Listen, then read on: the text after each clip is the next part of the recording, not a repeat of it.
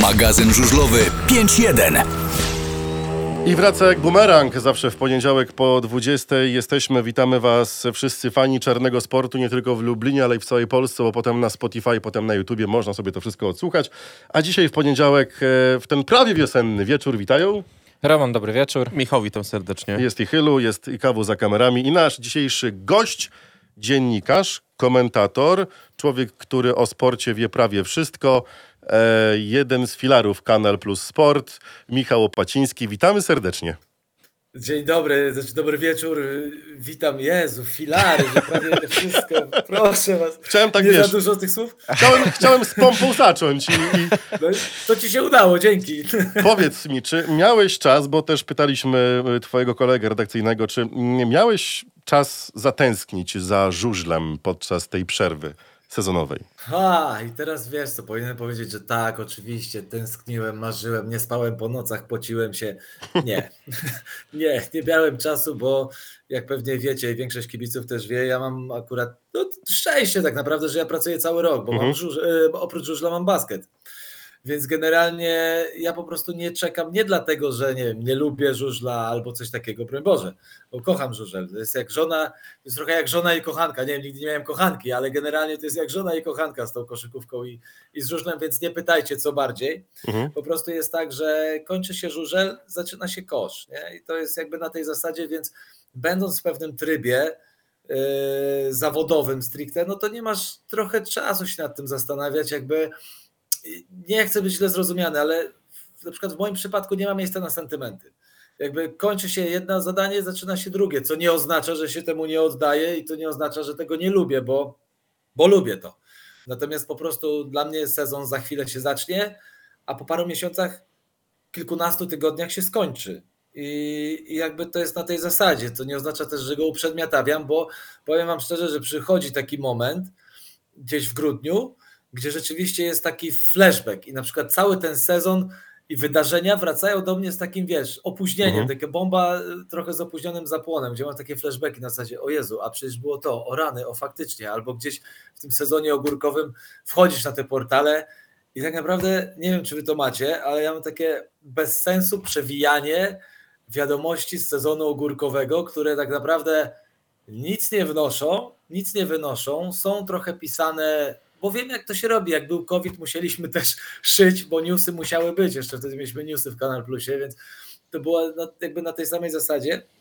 Nie mówię, że to są złe wiadomości, tylko po prostu łapię się na tym, że tak szukam czegoś, jak sobie myślę, ale, ale czego? I nagle trafiam na jakiś, wiesz, artykuł na zasadzie retrospekcji, jakiś wywiad, rozmowę i tak, o, racja, faktycznie, przecież to było, ale to był czat, nie? I tak lecę do żony, mówię, kochanie, słuchaj, po czym nagle, wiesz, dzieci przylatują i tak dalej. Mówię, eee, Mnie tylko męczą clickbaity, czyli albo kotlet odgrzewany z takim tytułem, żeby kliknąć i, i to jest męczące. A skoro przy męczeniu jesteśmy, y, w którym momencie mę, zmęczył cię ten sezon? Bo y, nas tutaj, mnie osobiście, bardzo szybko ten sezon zmęczył i nie wiem, czy to była kwestia, e, że motor... przygotowania w zimie. Nie, że motor tyle jechał, czy karuzela transferowa, która zaczęła się o wiele wcześniej. Wy jeszcze mieliście serial, ty osobiście, z tego co wiem, to nie, ale twoi koledzy tak, więc trzeba było też za nich trochę popracować, bo oni byli przy serialu. Wiesz co, to, tak, to znaczy może za, za, no troszkę tak, ale to nie będziemy, nie będę robił z siebie bohatera, tak, Mhm. no bo było nas kilka jednak osób niezaangażowanych w serial, natomiast jak patrzyłem, jak chłopaki byli wyrypani jak konie po westernie, to, to naprawdę im współczułem jeszcze bardziej, więc jakby to, co ja powiem, to będzie śmieszne wobec tego zmęczenia, które oni mieli, tak? Ale, ale zawsze jest taki moment w sezonie, każdy ma swój. Ja na przykład mam tak, że gdzieś jak jest ta dwunasta kolejka, gdzieś jedenasta, dwunasta kolejka, gdzie wszystko wiesz, no bo niestety ten żużel jest tak ułożony, gdzie już 90% sytuacji znasz i tę rozpiskę, zwłaszcza jak są playoffy sześciodrużynowe, to już w ogóle.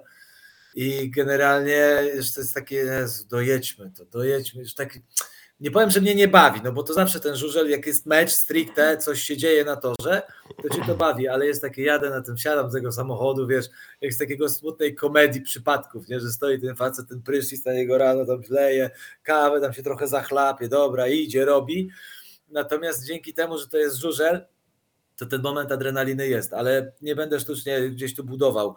Tak, jest taki moment, ja go mam zazwyczaj koło 11-12 kolejki, ale jak się zaczynają playoffy, to wszystko wraca, tak? Czyli jest, jest na, nowo, na nowo ta energia, bo jednak jest jakiś zawsze ten haczyk niespodzianka. Natomiast co do tego, czy ja robiłem coś za chłopaków, wiesz co, to było takie wsparcie na zasadzie, no dobra, jest tam magazyn Widera, y, zazwyczaj była tam ekipa, no to Mhm. trzeba było to zrobić, to się po prostu to robiło, wiesz, to jest jak, to jest trochę jak w wojsku, jak masz, wiesz, do obskoczenia tak naprawdę dwie i pół ligi, tak, no bo z tej drugiej ligi mamy tylko jeden mecz i tam niewiele z niego wykorzystujemy później jakby redakcyjnie, ale, ale gdzieś tam generalnie mając tyle do obsłużenia, no to, to tak, no sam gdzieś tam się zgłaszałem, mówię, dobra, słuchajcie, to może ja pojadę na ten mecz, słuchajcie, może nie, ale to jeszcze wtedy do Marcina, tak, Marcin, słuchaj, wyślij mnie tu, dla mnie to nie problem, niech chłopaki odpoczną i tak dalej, natomiast nie robię z siebie tu bohatera, po prostu to jest rzecz, która wynika z tego, że wiesz, twój kumpel ma jakieś tam zadanie, no to no jesteśmy drużyną, tak, no jakby wiesz, najlepszy solista bez kapeli, bez orkiestry nie, nie da rady, no zapytajcie się narzeczonej Patryka Duska, tak? Ona najlepiej wie, jak funkcjonuje orkiestra dobrze na Oliwiona. No. Powiedz mi, a nie żałowałeś trochę, że nie macie przy tym serialu? To ja jeszcze zadam drugie pytanie do tego. Czy robiąc e, serial o Sochanie e, miałeś taką, taką myśl, że kurde, dobrze, że jednak przy tym żużlu nie pracowałem? Przy tym serialu o żużlu? Wiecie co, no, mówiliśmy się, że gadamy szczerze, to, to wam powiem, że okej, na początku, no każdy z nas ma jakieś tam ego, no bo każdy z nas jest w jakiś sposób próżny, mm, robi, uprawiając ten zawód, tak samo wy siedząc w radiu, ja siedząc, nie wiem, w telewizji, w telewizji to już jest czasami w ogóle, to zostawmy, bo mamy rozmawiać pozytywnie, ale, ale tak serio, no to jasne, że na początku miałem takie, kur, dlaczego mnie tu nie ma, nie? Mhm. Ale, ale z drugiej strony y, pomyślałem sobie, y, dobra, spokojnie, skoro są, jest ekipa, jakby gdzieś tam sama się stworzyła w jakiś tam sposób oddolnie, ja jakiejś tam specjalnej inklinacji do tego nie wykazywałem, do tego pomyślałem sobie tak, jestem cholernie leniwy, jestem cholernie leniwy, mam czwórkę dzieci, wiecie co, takie nagle argumenty zdroworozsądkowe zaczęły pojawiać i w ostatecznym rozrachunku powiem wam, że nie żałuję, że przy tym nie pracowałem. Nie mam takiej na zasadzie, bo mnie, tam jest jakiś taki, wiesz, taka pineska w tyłku, która gdzieś tam, o, bo mnie tam nie ma. Nie, nie mam czegoś takiego. Natomiast kciuki za chłopaków trzymałem, to wam na pewno Mateusz Dziopa chociażby, czy, czy, czy Bugi wam potwierdzą, że, że tak było niejednokrotnie. Że im powtarzałem, mówię, dobra, ja przy tym nie, nie, nie fedruję, ale, ale trzymam za was kciuki, bo, bo naprawdę to była ogromna kobyła, z którą oni się mierzyli. Więc będąc tak z boku, to mi też trochę, powiem szczerze, bo pytałeś o Sochana, trochę mi to pomogło, nie? Jakby gdzieś miałem ten podgląd mniej więcej o co chodzi i jakby zderzyłem się raz, ktoś mnie zapytał zupełnie poza jakby tymi publicznymi występami, no dobra, ale ty miałeś tylko cztery odcinki. No dobra, ale ja byłem z Mateuszem Dziopą w zasadzie we dwóch. No oczywiście tam chłopaki z ekipy basket pomogli, to nie jest tak, tak jak mówię, to nie jest tylko moja robota, ale mimo wszystko procedura załatwiania, wiesz, tu jesteś u siebie. Ja nie mówię, że ktoś miał łatwiej, ktoś miał trudniej, po prostu pokazuje różnicę skalę zagadnienia. Tu jesteś u siebie de facto, no bo tak się trochę czujemy przy tym żużlu, nie, nie ukrywajmy, nie, zadzwonić do klubu, coś. Oczywiście trzeba to też skoordynować z naszym grafikiem, z naszą pracą, ale jesteś na miejscu. Masz to mniej więcej na miejscu, natomiast tam był cały rok załatwiania żeby doprowadzić do momentu, w którym mamy wyjeżdżać. Już stoisz z walizką w progu, po czym nagle przychodzi mail, nie, stop, przyjedźcie dwa tygodnie później. Tak, what the, wiesz, rozumiesz, jest nagle wszystko, y, wali się na łeb po roku załatwiania. Więc jakby to były dwie różne, ich jakby dwa różne zagadnienia tak naprawdę, bo i na dwie różne produkcje, zupełnie inne podejście, inny schemat pracy, inny system pracy, więc pewne rzeczy na pewno od chłopaków też zaczerpnąłem i nie ukrywam, że było też bardzo pomocne i, i super Mateusz Dziopa, który sam się zgłosił, mówi, słuchaj, jak ty jesteś z tym de facto sam, to ja ci pomogę. Ja mówię, Dziopek, ale ty dasz radę, chcesz? Bo mówi, tak, bo ja już tam swoje zadania w serialu Żużel skończyłem, czy kończę, mówi, dam radę, nie ma problemu, więc jakby też Mateusz bardzo dużo tego wniósł, wiecie co, takiej trochę no swoich doświadczeń po prostu, no jak to się robi, trzeba to tylko przełożyć na rynek polsko-amerykańsko, niemiecko-brytyjsko, Brytyjski. zielonogórski, tak I, i, i, i tyle, nie? Więc jakby, więc nie żałuję, ale nie z powodu jakiegoś takiego, y, nie wiem, egoizmu czy, czy emocji, tylko po prostu tak miało być i tyle. No, na, na spokojnie do tego podchodzę. Odnośnie jeszcze samego serialu o Sochanie i o tym, co wspomniałeś, że to było cały rok załatwiania i tak dalej, i tak dalej. Czy nie czujesz, że ten e, sam schemat z tego serialu mógł być troszkę inny, ponieważ Sochan jest no, rookiem, tak? Jest zawodnikiem, który jest dopiero Oczywiście. jest, jest dopiero co wydraftowany. Wiadomo, że w tym momencie już, gdyby nie tak wszystkie kontuzje, poobijania i tak dalej, to myślę, że to jego wyniki byłyby jeszcze lepsze, ale gdzieś skakuje już powoli na ten szczyt e, Rookie e, of the Year. I pytanie jest takie, czy ten serial o żużlu, przez to, że nie był skupiony tylko na jednym zawodniku, był łatwiejszy do zrobienia niż zrobienie serialu o Sochanie? Nie, nie był, bo masz, wiesz, tu wielowątkową historię. No, chłopaki musieli to poukładać jakoś, wiesz, w jakąś logiczną całość, nadać temu jakiś logiczny ciąg, logiczny sens. Jakby gdzieś to się samo w sobie musi, musi samo trochę obronić. Yy, Dlaczego w tym odcinku jest ta historia, a dlaczego w innym jest ta, a dlaczego tutaj jest ta drużyna, a tu jest ta. Yy, To nie mógł być serial tylko o motorze Lublin i drodze do złota, no bo, bo wiadomo, że nie, bo jest drużyn 8 yy, i każda ma swoją historię. W tej historii jest ośmiu zawodników, każdy ma swoją historię, więc to nie było ani trudniejsze, ani łatwiejsze. To było coś innego i zupełnie inaczej wtedy na to patrzysz. Ja też yy, powiem wam szczerze, zacząłem się sam dokształcać w tematach dokumentów, zajarałem się tym strasznie i jakby wiem, że to jest jakby taka moja ścieżka, którą chciałbym gdzieś iść, tak? Jakby mm, nie mówię, że zrezygnuję nagle ze studia, czy z dziennikarstwa, czy z żużla, tak? Ale wiecie o co mi chodzi, że jakby to jest, odnalazłem w tym fan radość i jakby te historie inaczej się pisze, zupełnie inna narracja, inny sposób, inny bohater. Tu masz jednak w serialu Żużel bohatera zbiorowego, tak? I wyłuskujesz pewne historie, ale musisz je jakoś uzasadnić, żeby to miało logiczną całość na przestrzeni tych 16 odcinków. Natomiast ja mając 4 razy 25, 100 minut do dyspozycji, opowiadam historię gościa, który zaczyna. No i mam, jakby wiesz, samo opowiedzenie Jeremi w NBA to jest historia na 10 minut. To jest 10-minutowy reportażyk. Więc co robimy? No poznajmy gościa. Ale jak go poznajmy? No teoretycznie wszystko o nim wiemy. Klikniesz Sochan, trafiał do NBA, zaraz po drafcie pierdyliard artykułów na temat Sochana, tak? No to trzeba znowu coś, yy, jakby znaleźć ten punkt zaczepienia, więc ja pomyślałem, że to jest jak z tym kubeczkiem, co tam u was stoi, tak? Mhm. To jest historia, przepraszam, no i mam nadzieję, że Jeremi się nie obrazi i, i, i kibice koszykówki też nie, ale starałem się jednak opowiedzieć historię tego kubeczka, bo koszykówka to jest ta kawa, która w nim się znajdzie. I ona, te, trochę tej kawy już jest, ale on dopiero wypełnia ten kubek do końca, czyli samego siebie, będąc w NBA, prawda, rozwijając się, więc tu masz historię, wiesz, y, w żużlu masz, w serialu masz historię zamkniętą, masz puentę, masz złoto, masz kolory medali. I w Jeremim, w przypadku, w serialu Jeremi, sorry za to określenie w Jeremim, ale w, w, w serialu o Jeremim nie masz tej puenty tak naprawdę, bo ty tworzysz wielokropek, no jakoś taką niedopowiedzenie, jakoś trzeba było to, wiesz, o coś oprzeć, więc jakby to są dwie różne, dwa różne systemy pracy, dwie różne historie, Yy, przepraszam, że tak uprzedmiotowie, dwa różne materiały, z którymi masz do czynienia. E, powiedziałeś, że same dokumenty cię zajarały i tak dalej, że chciałbyś pójść w tą stronę. Czy myślałeś może o kim taki dokument jeszcze warto byłoby zrobić? No wiesz to dla mnie absolutnie mm, historia Grześka Zęgoty, no to jest samopiszący się dokument, tak? No to jest historia absolutnie, wiesz, facet był wszędzie. Zęgi był wszędzie i sportowo, i życiowo. Yy, a jest rok młodszy ode mnie tylko i jakby, wiesz, my mamy generalnie dobry przelot, znaczy ten przelot polega na tym, że nie możemy się złapać, albo ja nie mogę gadać, albo on, ale ostatnimi czasy, dzieci, wiadomo, Dzieci. ale tak, ale tak serio, to dla mnie historia Grześka Zęgoty jest absolutnie historią na, to jest kwestia tylko wyboru formatu, czy na film, czy na serial, no seriale o tyle się teraz lepiej sprzedają, że mm, sam się łapię na tym, że wolę obejrzeć nawet na YouTubie, tak, coś co ma 20 minut, a potem sobie do, ewentualnie doobejrzeć kolejny odcinek albo zrobić sobie przerwę, niż zapakować sobie taką godzinę, półtorej, no bo to jednak trzeba przysiąść, usiąść, być w miarę świeży, mieć świeży łeb.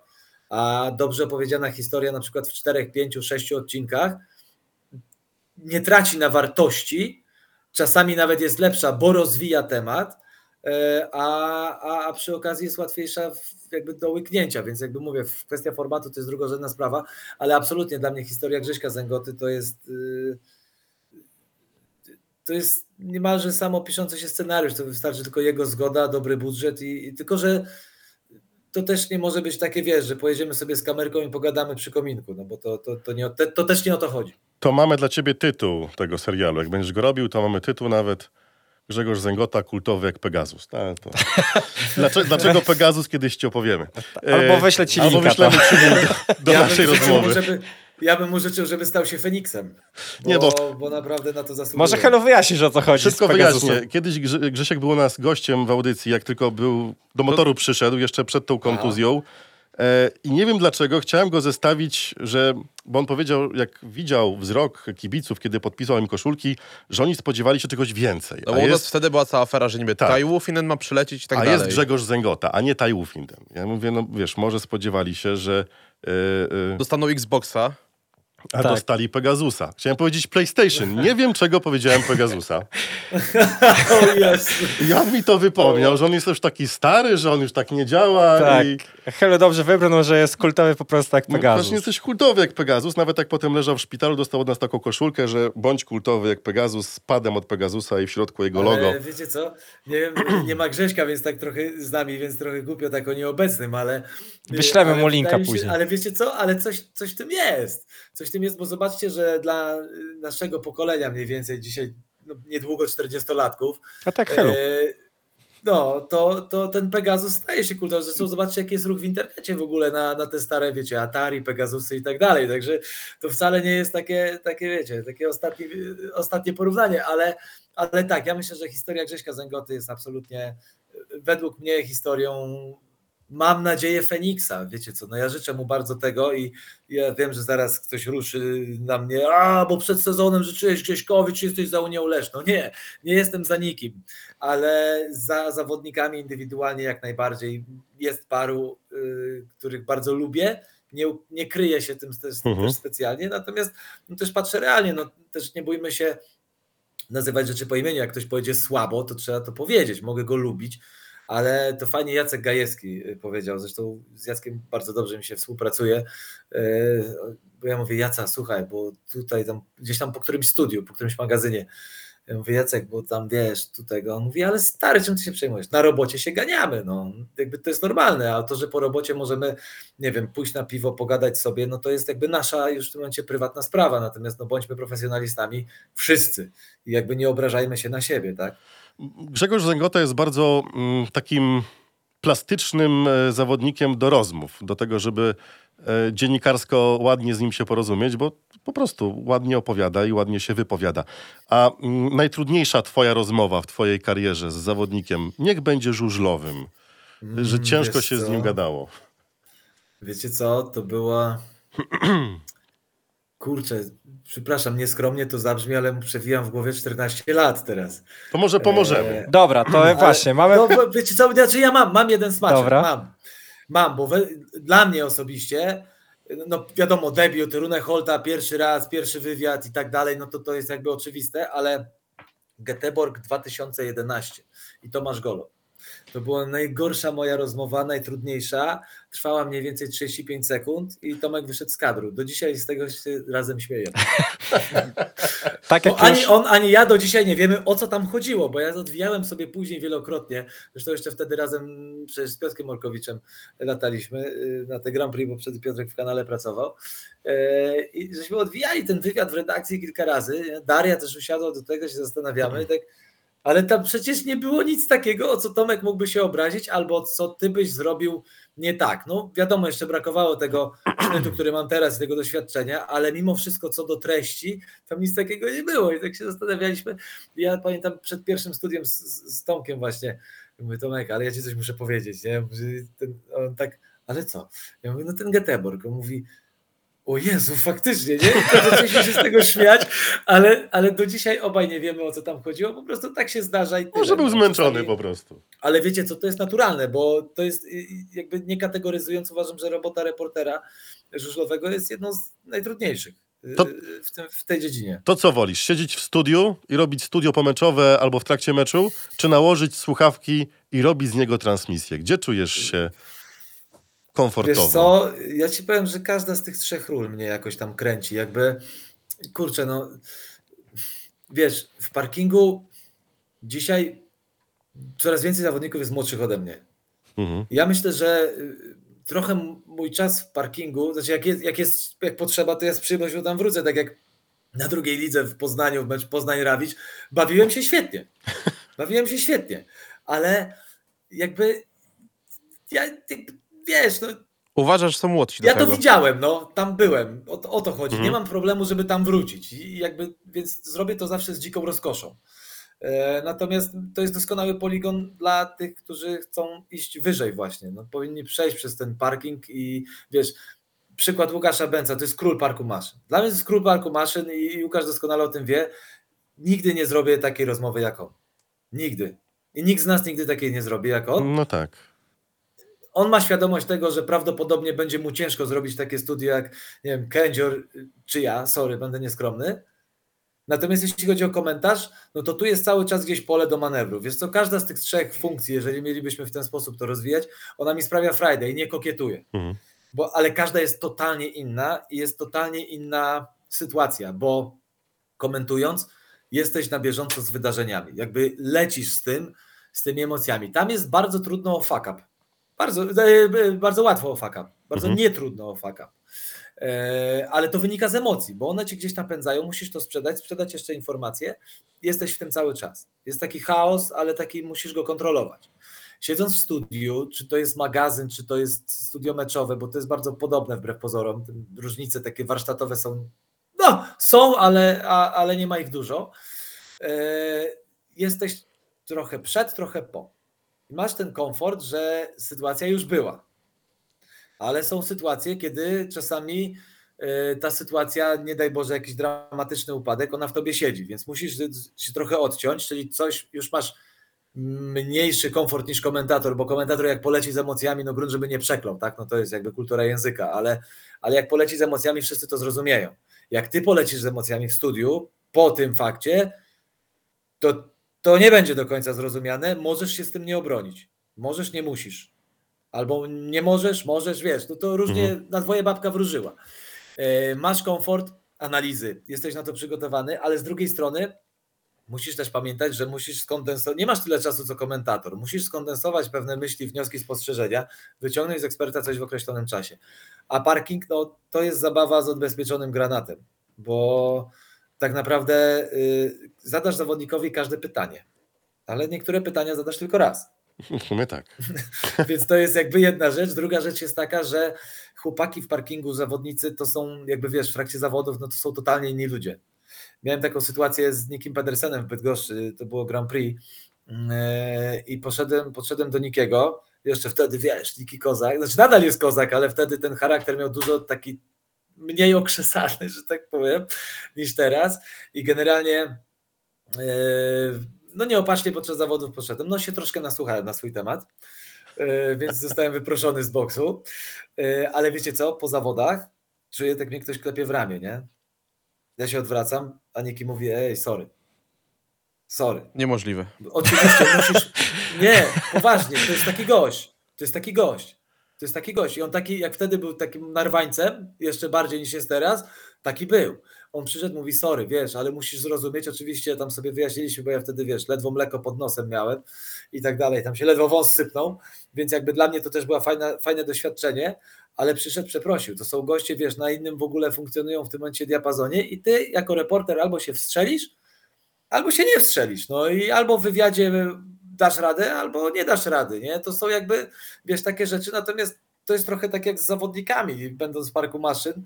No nie możesz się zrażać. No, raz ci pójdzie, raz ci nie pójdzie i tyle. Hejterzy i tak czekają na. Co byś nie powiedział, to i tak będzie źle, nie? Więc jakby tym nie wolno się przejmować. Po prostu, no. Masz robić wszystko, żeby ci wyszło.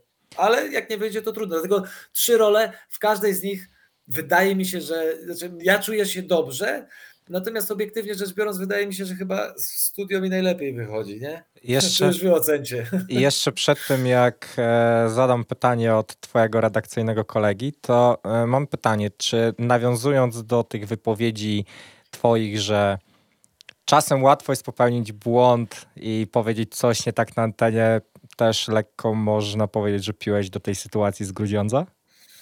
A widzisz, to jest ciekawe, bo y, ja cały czas y, uważam i tego się trzymam, zresztą wiele rozmów miałem na ten temat z mądrzejszymi ode mnie, że co do treści miałem absolutnie 100% racji, bo to nie było wydarzenie na poziomie Ekstraligi. Natomiast absolutnie dobór słów i moje zachowanie, jeśli chodzi właśnie o danie, o poniesienie się emocjom, yy, tak, to było niedobre. To było niedobre. Więc tak nie powinienem się, jeśli chodzi o sposób zachowania, się zachować. Tam dochodzi jeszcze taka inna warstwa, już nie chcę się wybielać, bo wiesz, trudność kolejna prowadzenia studia na meczu to są sytuacje właśnie takie jak wtedy, które się wydarzyły nieprzewidziane, bo to tego nie przewidzisz, nie? Jakby przyjeżdżasz, wszystko jest spoko, nagle wiesz, puf, palnik, słoneczko świeci, czerwiec, a tu nagle bach meczu nie ma. No i weź teraz pan to wyjaśni. Komentatorzy wchodzą, bo ratują sytuację, bo żeby nie było tylko dwóch gadających głów. Reporter jest zagrzany, spocony, upocony. Tam Kędzior świetną robotę swoją drogą wykonał jako, jako reporter, pamiętam. Natomiast yy, dużo słów pada od komentatorów, ale kogo widać? Ciebie. I tam w ogóle jak sobie to przeanalizowałem, to tam już zostawmy to, ale dużo nie moich słów tam było wciśniętych w moje usta. Natomiast co do mojego zachowania, mojego słynnego browara i tak dalej, absolutnie dzisiaj zachowałbym się inaczej, będąc bogatszy w doświadczenie, ale treści absolutnie bym nie zmienił. Być może użyłbym innych słów, nie wiem czy lżejszych, czy mocniejszych, ale na pewno moje zachowanie byłoby wtedy inne. Więc jakby tak, dajesz się czasami ponieść emocjom, którym nie powinieneś, a do tego mając studio, pamiętaj, że ty zaczynasz, ty kończysz. I jakby ty świecisz twarzą w sytuacji nieprzewidzianej. Dobra, to teraz druga kwestia odnośnie tego, że czasem ciężko jest się z kimś dogadać. Dostaliśmy pytanie do ciebie od e, twojego redakcyjnego kolegi, e, gościa poprzedniej naszej audycji Mateusza Dziopy. Uwaga, zadaję. Jak myślisz, czy łatwiej byłoby ci się dogadać z Kar e, Kariem Irwingiem czy z Maksymem Drabikiem? Skyrim. O, jednak. Tak, ale y, tak. Tak. A możemy już nie rozwijać tego wątku? Możesz, możesz. To już obiecaliśmy Mateuszowi, że zadamy to pytanie na antenie. Zadaliśmy. Wróćmy do kwestii Tyle. typowo, Nie, typowo żużlowych. Dobra, zostawmy, bo tak, tak, tak, bo tutaj może paść za dużo słów, a, a nie mamy pewności co do niektórych sytuacji, więc może lepiej nie. Okej. y, żużlowo, żużlowo.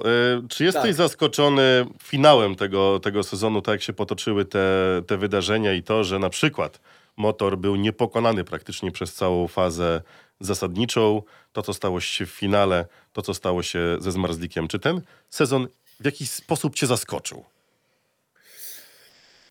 Wiesz co, tam na początku, już nie pamiętam czy przed anteną, czy, czy, czy, czy już y, teraz w rozmowie mm, tej oficjalnej to padło, ale wiesz co, ten sezon y, przestał mnie zaskakiwać od czerwca.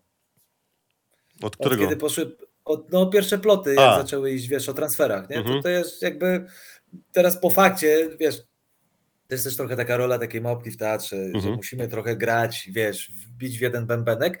Musimy, powinniśmy. Są pewne sytuacje, gdzie na przekór temu, że kibice wiedzą, bo ja wiem, to ty musisz jednak udawać trochę, że nie wiesz, wiesz, tak trochę, no niestety, sorry, no obnażam tutaj pewne kulisy zawodu, ale trochę tak jest.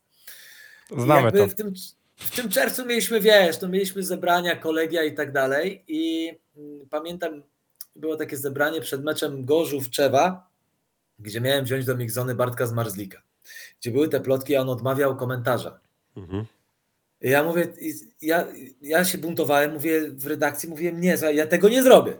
Ja tego nie, za bardzo go szanuję i za bardzo jakby mam, też mam takie może czasami zbyt miękkie podejście do zawodników, ale w końcu to oni najwięcej ryzykują i to oni nam dają rozrywkę, więc jakby mam do nich zawsze ogromny szacunek, niezależnie od relacji, czy mamy ciepłe, zimne, czy bliskie, czy dalekie. Natomiast ja mówię, no nie zadam tego pytania, no nie zrobię, ja z siebie nie zrobię debila. No ale z drugiej strony właśnie musisz bić ten bębenek trochę czasami, tak? E, więc wymyśliłem, mówię, dobra, ale najwyżej mi ukręcą web w redakcji, ale zrobię to po swojemu. Więc po prostu na koniec rozmowy meczowej mówię, Bartek, no zadam Ci jedno pytanie, wiesz jakie? Ja się spodziewam odpowiedzi, ale niech ono wybrzmi, co z Tobą i czy przechodzisz do, czy zmieniasz barwy, bo ten żółto-niebieski, nie, bo, ład- bo w niebieskim Ci ładnie, jakoś tak to starałem się, wiesz, zawoalować, no bo tu niebieskie, tu granatowe i tu granatowe, nie? Kewlary.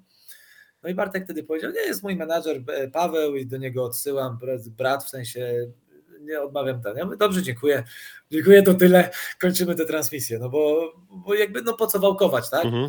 Więc jakby wracając do tematu, czy mnie coś zaskoczyło? Najbardziej mnie zaskoczyła e, Stal Gorzów i tym, jak jechali do końca. E, Pomimo tym, jak- kontuzji. Pomimo kontuzji, tak, zdecydowanie. Pomimo kontuzji, pomimo e, tej całej burzy wokół Bartka, gdzie uważam, że on się zachował rewelacyjnie w całej tej sytuacji, zachował się tak, jak należy. To był y, znowu kolejny poziom profesjonalizmu odkryty w żużlu. Tak powinno, to powinno się młodym zawodnikom puszczać całą, czy pokazywać ten schemat działania Bartka, tak? Mhm. Kiedy stajesz się gwiazdą, no a Bartek wiadomo, że w tej chwili jest super gwiazdą. Tak? Mhm. Są gwiazdy, jest Bartek super gwiazda. E, Ale jeśli chodzi o stricte sport i, i, i kalendarz, to pomijając całą tę shitburzę wokół tego, e, tych transferów i tak dalej, to uważam, jest, trochę się zgadzam z Tomkiem, no, z tym, co powiedział, może nie w 100%, ale z pierwszą częścią jego wypowiedzi na pewno. Natomiast e, Stal Gorzów swoim uporem, e, tym, że oni, to była drużyna, która absolutnie w tym sezonie totalnie, znaczy w zeszłym, ciągnęła wynik ponad miarę swoich możliwości, właśnie przez kontuzję, Mhm. przez te wszystkie gdzieś aferki, jeszcze y, mina, znaczy mina, no mina, która wybuchła z prezesem, tak, jeszcze do tego wszystkiego gdzieś tam, więc jakby trochę drużyna na przekór losowi i tak naprawdę, sorry, z całym szacunkiem dla motoru, ale wydaje mi się, że z jednej strony trochę pech, no ten słynny defekt y, Martina Waculika w finale, y, już u was w Lublinie, Mhm. a, a, a druga rzecz to trochę może za wcześnie zaczęło z nich schodzić ciśnienie. Jesteśmy w finale, wygraliśmy mecz u siebie i być może trochę z niektórych zaczęło schodzić. To jest już temat bardziej do psychologa, nie do mnie, tak? Ale, ale może też, może też to gdzieś z tyłu głowy się zaczęło pojawiać. Dobra, jesteśmy w finale, ciągniemy, ciągniemy, no ale i nie mówię, że tak było. Nie zdziwiłbym się, gdyby tak było. Natomiast absolutnie dla mnie takim moralnym zwycięstwą zeszłego sezonu to, jest, to są zawodnicy Stali Gorzów ze składu sezonu 2022. O, tak to powinno powinno A moralni przegrani w tym sezonie, czyli coś, co cię rozczarowało i stwierdzasz, że może być to antyreklama żużla albo po prostu nie powinno się to wydarzyć. Wiecie co, antyreklama żużla, to ja, ja bym tak tego nie nazwał. Jest za dużo czynników. Jestem bardzo ostrożny w takich Mhm. określeniach, bo, bo jest za dużo czynników. Ergo, no już niech będzie ta sytuacja wtedy z Grudziądzem. To też była antyreklama żużla trzy lata temu, natomiast yy, z czego ona wynikała, to wiedzą tylko ci, którzy doszli do źródła tego problemu. Tak? By- Jakby to jest wiele, wiele czynników. Eee, No to rozczarowanie też- sezonu, żeby nie Wiesz używać co, ja słów. jestem, ja jestem kurczę, ja jestem trochę, jak co roku trochę rozczarowany.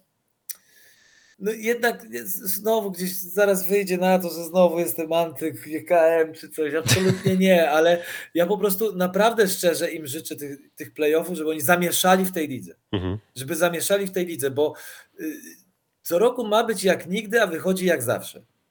I to jest dla mnie trochę. Tylko Trochę wiesz, przykre, GKM, bo- GKM miał wiesz, problem kibice- z nikim. Gdyby nie kontuzja Nikiego, kto wie? Ale to gdybamy No. tylko, tak? No ale widzisz, ale znowu dochodzimy do momentu, w którym gdybamy. Mhm. Jakby ja życzę tej drużynie tego, bo ma naprawdę świetnych kibiców. Tam atmosfera na stadionie jest rewelacyjna. Serio. Tam jest fajnie, poza tym szczerze i nie wchodzę teraz w tyłek, żeby nie było. Mówię szczerze, ja lubię na tym stadionie pracować. On jest, zresztą w Lublinie też jest tak, jest blisko. Ale powiem I ci, że, kameralnie. Jest fajnie. ale powiem ci, że ja na Kameralnie- przykład ja na przykład Grudziądz, e, stadion Grudziądza też bardzo lubię. To jest bardzo fajny stadion. Bo byłeś, może- bo byłeś w tej nowej Ale części, gdzie Wiesz siedzisz. co, może nie, może bardziej przez to, że on strasznie przypomina ten lubelski stadion. Może dlatego tak mi się Wiecie co, podoba. a, a wiesz co, to trochę jest, tak, przypomina. Jeśli chodzi o jakieś tam ogólne wrażenie, trochę przypomina, natomiast po tym odświeżeniu, po tych remontach, naprawdę tam też jest komfort pracy dla nas, zwłaszcza po tym, jak już nie ma tej budki bazarowej, ale, ale nie, ale serio, dlatego ja znowu gdzieś mówię, chcę uniknąć zaraz znowu gdzieś ten grudziąc i tak dalej, ale patrzę teraz na fakty, jakby na fakty sportowe. E, jakby ja bym chciał, żebyśmy przestali gdybać, a zaczęli się zachwycać i mówić, ła, to jest niespodzianka, to jest drużyna, nie? Mhm. To jest, o kurde, coś się dzieje. Więc to jest jedno z takich, ale dla równowagi, no powiem szczerze, myślałem, że Spartę też stać będzie na trochę więcej. Trochę włókniarz też tam mógłby, mogło być trochę lepiej, więc jakby zawsze się znajdzie, wiesz, zawsze się znajdzie y, punkt zaczepienia, żeby się tam czepnąć czegoś, natomiast y, wiesz, no znowu, mówicie o kontuzji Nikiego w kontekście Grudziądza, to zobaczmy, jak duży wpływ miał brak Artioma na Spartę, nie? Mhm. Więc to jest jakby znowu sytuacja, gdzie za, moim zdaniem trochę jest dzisiaj w żużlu, w Ekstralidze zwłaszcza, za dużo zależy od jednego zawodnika. Nie? To w To takim razie... jakby, Mhm, mów, mów. no no, no. Nie, to ja chciałem zapytać, czy w takim razie, że to będzie rok GKM-u Grudziądz. Wiesz co, chciałbym, ale wątpię. Znaczy, to zależy, co rozumiemy przez rok GKM-u Grudziądz. No to, że Jeżeli w końcu do playoffów wejdą. No, myślę, chciałbym tak, myślę, że tak, życzę im tego. Życzę im tego z całego serca, bo, bo już za długo jest, wiesz, to jest, chodzi o to, że masz ligę, z której się walczysz o mistrzostwo albo spadasz. Mhm. A oni są tak Ani tu, No ani tu. ani tu, ani tu, dokładnie, więc to jest takie, wiesz, kiedyś pamiętacie, o Gdańsku się mówiło, że to jest drużyna za, za słaba na Ekstraligę, a za mocna na pierwszą ligę. Mhm. Grudziądz jest za dobry na spadek, za dobry na spadek, ale był przez te lata za słaby na awans do playoffs. Ja bym to tak określił. I jakby ja bym chciał, żeby Grudziądz y, był drużyną, która się liczy. Dobra, to jeszcze zadam pytanie, bo rozmawiamy o tych playoffach i tak dalej. Czy ty jesteś zwolennikiem sześciodrużynowych playoffów? Wiesz co?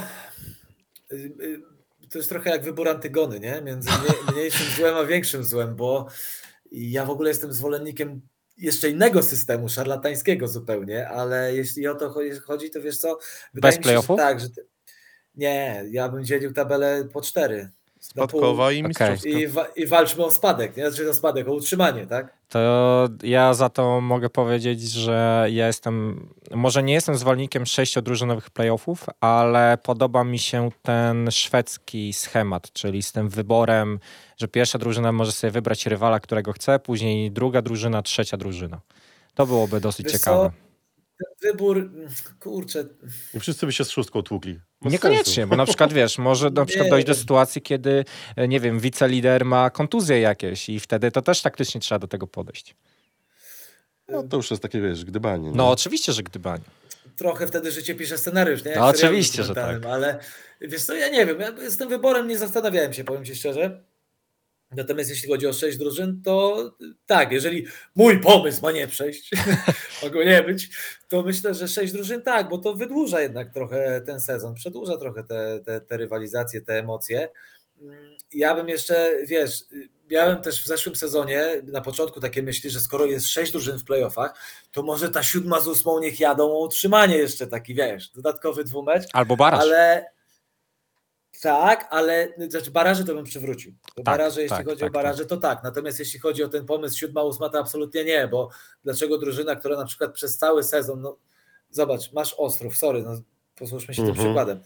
O, zapytałeś o zaskoczenie i minus. No Ostrów oczywiście, tak? bo Czekałem to, trochę, że- ale że, nie, no bo tak się zaczęło o tym, wiesz, ja za bardzo tak wszedłem analitycznie może, ale no absolutnie, no Ostrów liczyłem na to, że, że coś wygra, wiesz, że coś tam urwą. no bo wyjechaliście Nie. na mecz Ostrowa i tak z nadzieją, że coś się może ruszy w Ale- końcu.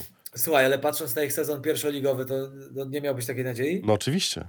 No, zwłaszcza na własnym torze, nie?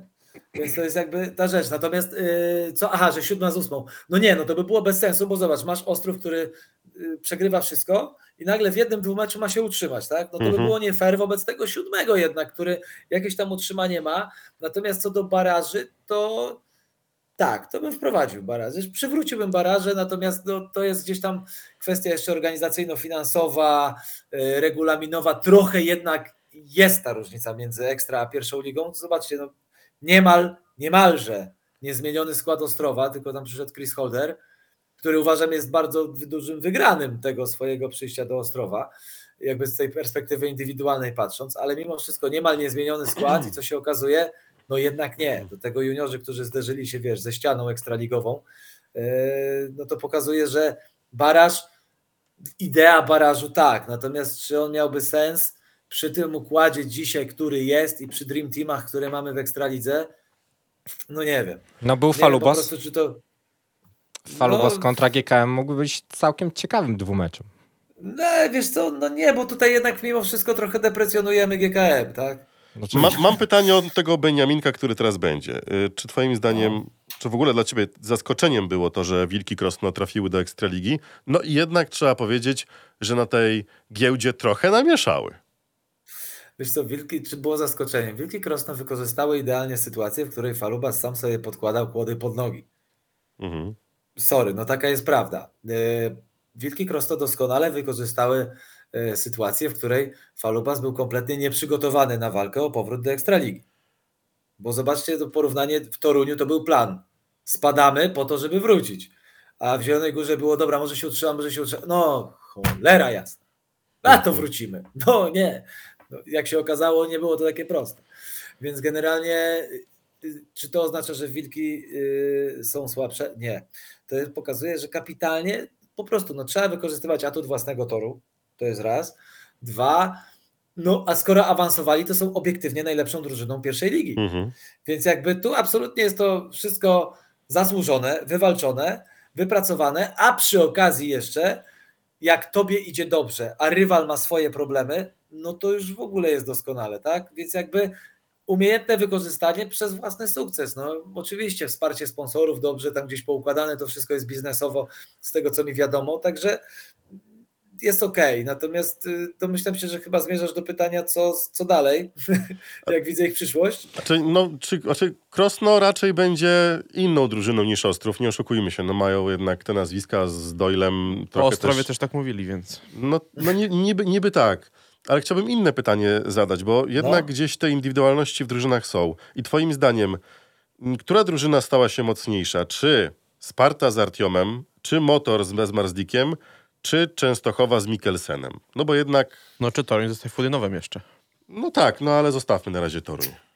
Wiecie co, Toruń, to ja na razie myślę, że to jest czwarta drużyna na dziś.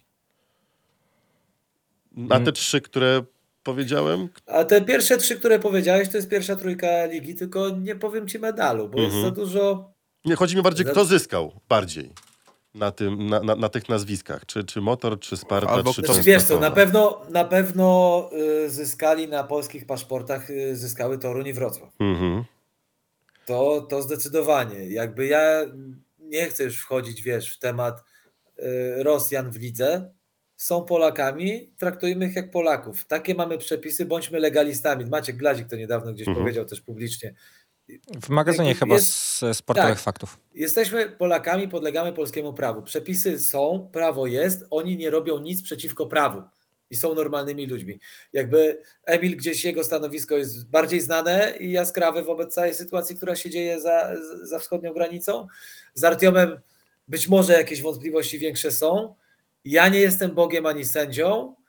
Od początku wydawało mi się to bardzo skomplikowane, bo nie powiem, czy to było słuszne, czy niesłuszne, bo jest mnóstwo argumentów za, wtedy ich wykluczenie, mnóstwo przeciw. Generalnie wracając do tematu. E, myślę, że przede wszystkim Sparta i, i, i Apator zyskały. Mhm. To zdecydowanie, no bo wracają dwaj potężni zawodnicy. No to jest jednak, wiesz, zobaczymy w jakiej formie tak naprawdę wracają, ale myślę, że znając chłopaków, to to raczej nie ma obawy jakiejś większej. E, Ja myślę, że największy, najbardziej ryzykowny, chwiejny tutaj jest motor. Z uwagi na Jacka i na Fredrika Lindgrena. Mhm. Ale dlaczego? Dlatego, że Jack, znaczy inaczej, trzymajmy się pozytywnych założeń, no bo negatywów to możemy znaleźć znowu mnóstwo. Jeżeli Jack Holden pojedzie tak, jak w okresie, kiedy zdobywał swój jedyny medal drużynowych mistrzostw Polski jako gość w Gorzowie w 2020, Warto dodać, że wtedy zaopiekował się nim Bartek z Marzlik tam. Brawo, dokładnie. To jest, ja bym też nie szukał tu daleko idących teorii, ale wtedy zdobyli ten tytuł razem. Lubią się, znają się. Bartek jest team player. przez całe życie był team player w Gorzowie, będzie, dopóki będzie w Lublinie, będzie takim samym team playerem. To jest gość, który naprawdę dużo daje poza tym, co daje na torze. E, więc jeżeli tutaj dojdzie do tego zaopiekowania i będzie ten głód, a nie wątpię, że jest ten głód u Jacka Holdera, bo ma 20, tam chyba 7 lat, bo jest chyba rok młodszy od 9-6 rocznik. no, 27 lat, tak naprawdę bez realnego jakiegoś wielkiego tytułu czy wielkich osiągnięć, ale jednak uznany zawodnik, dużo wnoszący, potrafiący, z talentem, zdobył ten medal dla Gorzowa, znaczy pomógł im wtedy zdobyć ten medal w Gorzowie, miał świetny sezon. I jest w najlepszym wieku do tego, żeby wejść na szczyt. Szczyt ligowy, szczyt indywidualny, jak zwał, tak zwał, bo wiadomo, że tutaj akurat jedno napędza drugie. E, jeżeli on będzie jechał na tym poziomie, jeżeli Fredrik Lindgren będzie wystarczająco głodny tego, żeby mieć kolejny medal drużynowych mistrzostw Polski, to Lublin będzie niezwykle groźną, niebezpieczną drużyną. I wtedy powiemy Kuba Kępa, mistrz okresu transferowego. I nie chodzi o Bartka, o Bartku w ogóle nie gadamy, bo to jest oczywiste, tak? Gdzieś Bartek jest pewniakiem po prostu do punktu. Tak. No. Więc dlatego dla mnie, dlatego Lublin z tej czwórki jest najbardziej niepewną drużyną, bo bardzo dużo zależy od Holdera i od Lindgrena. Lindgren ma PESEL, wie, z drugiej strony to działa na korzyść Fredki, bo zmiana, przewietrzenie, tak? Wszyscy trzej zmieniają barwy klubowe. Może być takim drugim AJ-em. Może. Albo Matejem Żegarem. Może. To zależy. Więc wiecie, no, jakby nie zaglądając Fredce w PESEL, starszy jest ode mnie, u, są jeszcze tacy jeżdżący, ale mówię o jeżdżących, mówię o aktywnych. A, o jeżdżących, Ale Helu też jeżdżący, jeżdżący. Ale nie, no, no tak, dlatego mówię, że są jeszcze. Ale nie, tak serio. Fredka ma 38 lat, yy, był w różnych miejscach, spadał z ligi, był w pierwszej lidze, był w ekstralidze, zdobywał medale, ale ostatnie złoto to on pamięta chyba ze zdjęć, kiedy zdobywał. Więc plus zmiana klubu, plus to, jak funkcjonuje yy, Lublin jako motor, jako organizacja, to może być bodziec, który go pobudzi. Jeżeli Mhm. tak będzie, to motor ma szansę obronić złoto. Nie mówię, że tak się stanie, ale ma szansę. Włókniarz z Mikkelsenem absolutnie jest dla mnie petardą. A z Drabikiem? Tutaj, tu, poczekaj.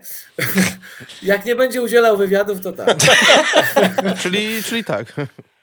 Czy, tak, nie, dlaczego? No, jakby oceniamy teraz, te, oceniamy sportowo, tak? Zostawmy wszystkie rzeczy poza, Mhm. pozatorowe. Myślę, że y, największy zasób talentu, takiej petardy potencjału jest w Częstochowie.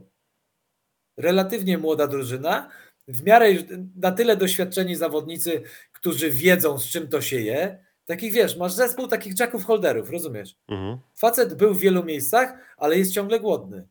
Musi tylko wejść na pewien poziom. Kacper Woryna już wie, co nie żarło w zeszłym sezonie, przez połowę sezonu, ale wiecie sami, że Kacper jak mu żre, to, To żre. jedzie. To, jest, to, to jedzie i to jedzie doskonale. Więc generalnie dla mnie to jest najgłębsza, jeśli chodzi o talent, możliwości, drużyna. Chyba jeśli byśmy policzyli wiek najmłodsza z tego towarzystwa, z tej całej czwórki, jeśli byśmy tam średnią wyciągnęli, podejrzewam, że najmłodsza albo jedna z dwóch najmłodszych. Więc tam jest wszystko. Tam jest też głód zeszłego sezonu, bo to wiesz, Częstochowa miała być w finale. No nie wyszło, nie pykło. Więc generalnie to jest absolutnie dla mnie y, kandydat do finału. Sparta? Ha, Sparta. No jest flow na pewno w tej drużynie. Mhm. Chłopaki z tego co wiem się lubią. Jakby wiesz, Piotrek z Maćkiem, no to wiadomo, sztos, sztama Red Bull i tak jeszcze. dalej. No, Brent robi swoje, ale, ale nie, to, to myślę o takich relacjach, wiesz, chemii i tak dalej. Artiom, no, Artiom jest zawodnikiem, jest Polakiem, no nikt z własnej drużyny nie będzie go tam odsuwał, wręcz przeciwnie. Raczej myślę, że cieszy się dużym wsparciem. A że lubiany był w drużynie, dlaczego miałby przestać być? No juniorzy tam są, jak zwykle, wiesz. Na chwilę ci przerwę. Powiedziałeś, że zaczepienia. no. Artiom był lubiany w drużynie i jest. Wiesz, co, czego ja się obawiam? Może nie tyle obawiam, ale jestem bardzo ciekaw, jak i Emil, jak i Artiom będą odebrani przez kibiców, ale nie we Wrocławiu i w Toruniu, tylko na innych stadionach.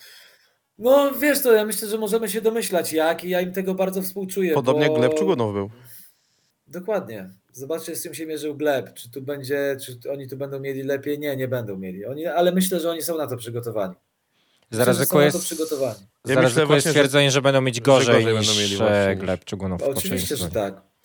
Oczywiście, że tak, że, że tak, no bo, bo Gleb dostał po tyłku doskonale wiemy i serial to też pokazał, za Mhm. niewinność. No za tak. niewinność, za to, że Gleb paradoksalnie dostał po tyłku za to, że on był przeciwko wojnie od samego początku. Mało tego, niewiele osób pamięta, a to było ostatnio wyciągnięte gdzieś w tej historii a propos właśnie licencji Emila i Artioma, a Emil jako pierwszy, jeden z pierwszych, nie wiem czy w ogóle nie najpierwszy, y, wrzucił y, najpierw to, te, te ręce dwie we fladze ukraińskiej, rosyjskiej jako pojednanie, tam było potem jeszcze jakieś serce wrzucone. I jakby on dał swój wyraz sytuacji. To, co on przechodził gdzieś tam, pokrętnie się dowiedziałem, gdzieś tam wiadomo, drugi, trzeci obieg, to, co on przechodził przez ten czas, zwłaszcza na początku tej wojny, zima i tak dalej, no to tylko on wie. Mhm. E, Wie, wiecie co, ja nie chcę tu się rozczulać nad losem, bo jakby przede wszystkim no inna jest sytuacja, jeśli chodzi, inne jest postrzeganie, jeśli chodzi o Griszę, gdzie mamy jasność sytuacji. Inaczej jest w przypadku E- E- Emila, czy nawet Artioma, bo wyobraźcie sobie, że to, ja zawsze myślę sobie tak, wyobraźcie sobie, że to Polska jest agresorem, nie wiem, napada na Czechy. Rozumiesz? Dzieje się coś takiego. E, tak jak tu siedzimy we czterech, przepraszam, w piątkę, jeszcze kawu za kamerą, jak siedzimy tu w piątkę, każdy z nas byłby temu przeciwny. Byśmy się pukali w czoło, mówili, nie, to jest niemożliwe, to się nie dzieje. I dostajesz po tyłku za to, że masz, yy, wiesz, prezydenta idiotę, nie? Mhm. A z drugiej strony jesteś, pochodzisz z kraju, gdzie 80, gdzie jesteś w 20% ludzi świadomych tego, co się dzieje. Ale jesteś otoczony ludźmi, którzy wierzą w tę propagandę, rozumiesz? No tak, ale To ty jest- jesteś w tym procencie, który jednak wie też troszeczkę inaczej i nie jest tylko tą propagandą zaszczuty. Ale wszyscy są wrzucani do jednego wora, pamiętaj. No dobra, to jest raz, a No dwa, to wiesz, ja tak jak mówię, ja nie bronię tej sytuacji, bo to jest jasne, że Rosja to jest agresor i jakby tutaj wiadomo, natomiast jak zaczniemy patrzeć na to z perspektywy bardziej ludzkiej, indywidualnej, to okej, zgodzę się, że to jest kraj, gdzie pokolenia mają wyprane mózgi, ale w tych pokoleniach są też ludzie, tacy jak chociażby Emil czy Wadim, Mhm. bo o Wadimie mówimy tu mało, tak? A Wadim jest jedną z największych ofiar sportowych tej wojny, tak? Chociaż tu nie porównuję, bo ofiary są wiadomo gdzie i jakby słowo ofiara może tu jest złe, złym słowem, ale No Wadim ostatnio Jak- też miał znowu ciężki, ciężką chwilę po tym treningu, tak? Po, No. po tym jak z GKM-em i z Kevlarem. no wyszło. i, i widzicie, no i właśnie, to są kolejne takie rzeczy, które jakby trzeba mieć cholernie silną psychikę, e, żeby to też dźwignąć jakby w sobie, bo ja zawsze się zastanawiam, a gdybym ja był na tym miejscu, sprzeciwiając się wojnie, którą wywołał mój kraj, nie mogąc wrócić do kraju, albo wiem, że jeżeli się odezwę, bo to jest tak bandycki kraj tak bandycko zarządzany, że jeżeli ja się odezwę przeciwko swojemu krajowi, będąc jego obywatelem, reprezentantem, mistrzem świata z tego kraju, jeżeli ja tam wrócę, to albo z tego kraju nie wyjadę, a jak wyjadę, to mi może zamkną rodzinę. Rozumiecie o co Mhm. chodzi? Tu są tego typu problemy, dlatego bardzo, ja jestem bardzo ostrożny, a wręcz przeciwny temu, tym lepiej nic nie mówić i milczeć, jeżeli nie wiesz co zrobić kibicu, nie akceptujesz tej sytuacji, jesteś przeciwko Emilowi i Artiomowi, to po prostu milcz. To nie klaszcz, to się odwróć, ale nie krzycz, nie obrażaj, bo to jest człowiek. To To ja jest mam, człowiek i nie wiemy, jakie on ma rozterki. Więc jakby to jest ten wątek, taki mój mały apel Mhm. do obrony, jeśli chodzi o aspekt czysto ludzki. Bo co do wojny, co do zasadności, tutaj się zgadzamy. Tak jak mówię, można by dyskutować i tak dalej, bo i trener Marek Cieślak ma dużo argumentów za i Tomek z, z Marcinem wtedy też mieli dużo argumentów za. Natomiast skoro wracają, skoro mają polskie paszporty, a nie jest tajemnicą, przecież nie wyrobili ich wczoraj, tylko mają je od lat. I skoro jest taka furtka, którą daje prawo, to uszanujmy chociaż prawo w kraju, w którym prawa się raczej nie szanuje. W kraju bezprawia. Więc I kraju, ty, zobacz, Tak, Czekaj, żeby w kraju czekaj, czekaj. nie- jeszcze, No. jeszcze jedno pytanie chcę Rozumiecie, o zadać. co mi chodzi? Tak, mam, tak, mam tak, nadzieję, że oczywiście. było to w miarę czytelne. No. Chcę jeszcze zadać pytanie, jak widzisz e, w takim razie możliwość rozwiązania sprawy z e, Speedy Grand Prix i z ewentualnym powołaniem Emila i Artioma do kadry Polski, ponieważ no, siłą rzeczy Rafał Dobrucki ma taką moc w przyszłym sezonie. Ma taką moc i ma taką decyzję. Czy ją podejmie, to jest już decyzja jego. Tak naprawdę, wiecie co, no to jest tak samo, możemy znowu, jak traktujemy tę sytuację, bo odetnijmy się na chwilę od emocji. Mają polskie licencje, występują jako Polacy, polskie paszporty, tak jak mówimy akurat, y, no, paradoks Wadima jest taki, że on jest najbardziej polski z nich trzech, a nie ma paszportu, tak? Ale generalnie mówimy o Emilu, o Artiomie, którzy te paszporty mają już kilka lat. Zdobyli je w legalny sposób, tak jak należy, legalną ścieżką.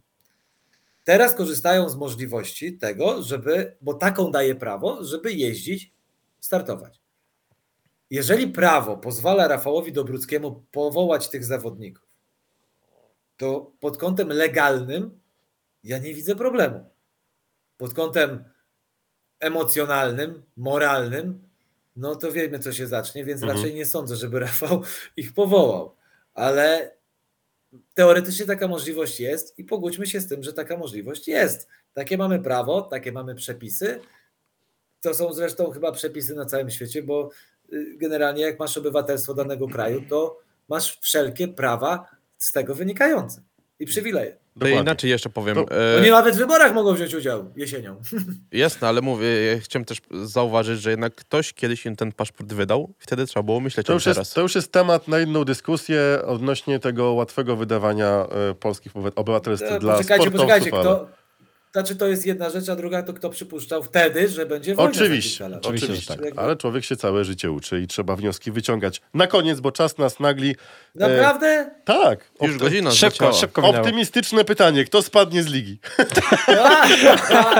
Z której ligi? Mam pomidora? Ekstraligi. Masz, masz masz. Mam jeszcze. pomidora. pomidor. Nie, użyłeś przed audycją, użyłeś przed audycją. Nie, masz dobrze, na A, audycji, na audycji. Czyli Nie, pomidor, dlatego że ja nie lubię, bardzo nie lubię skazywać kogoś na porażkę. Jednak trzymajmy się idei sportu. No. Papierowe mm, gdzieś przekazy pokazują i tak dalej. No zresztą to, że Ostrów, okej, zgadza się. Tarnów, to, to jest dobry przykład. Jak Tarnów był w Ekstralidze. Spadł, mhm. spadł, ale po ostatnim biegu w Zielonej Górze. Przez cały sezon nie było wiadomo, czy spadnie. Dlatego jeden bieg, wynik w drugą stronę i Tarnów by się utrzymał, nie? Mhm. Więc jakby ja jestem bardzo ostrożny, nie bardzo nie lubię, dlatego powiem pomidor, bo bardzo nie lubię mówić o tym, kto spadnie, jak jeszcze na tor nie wyjadą. To kto mistrzem? Jakbyś słuchał, jakbyś słuchał, to, To- to już było. Ale to, znasz. ale to już jedno słowo tylko.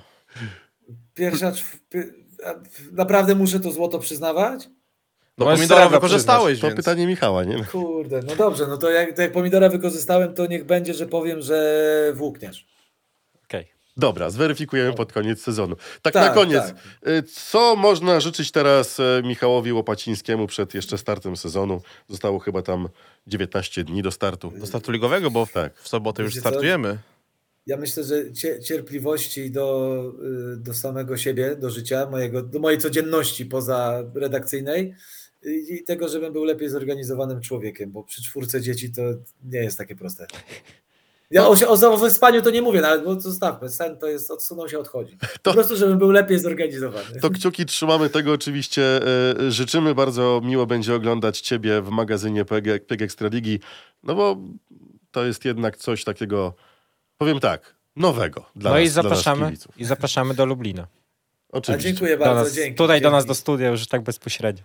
A, to z przyjemnością, dziękuję bardzo, na pewno jak będzie okazja. To dziękujemy za dziś. Naszym i waszym gościem dzisiaj był Michał Opaciński. Tak jak powiedziałem na początku, dziennikarz, komentator, jeden z filarów Kanal Plus. jeżeli chodzi o Filantrop. sport. Cicho cicho, cicho. Do zobaczenia na stadionach. E, Tobie życzymy oczywiście tego, co trzeba i żeby ten sport czarny i nie tylko też dawał ci mnóstwo frajdy, tak jak do tej pory.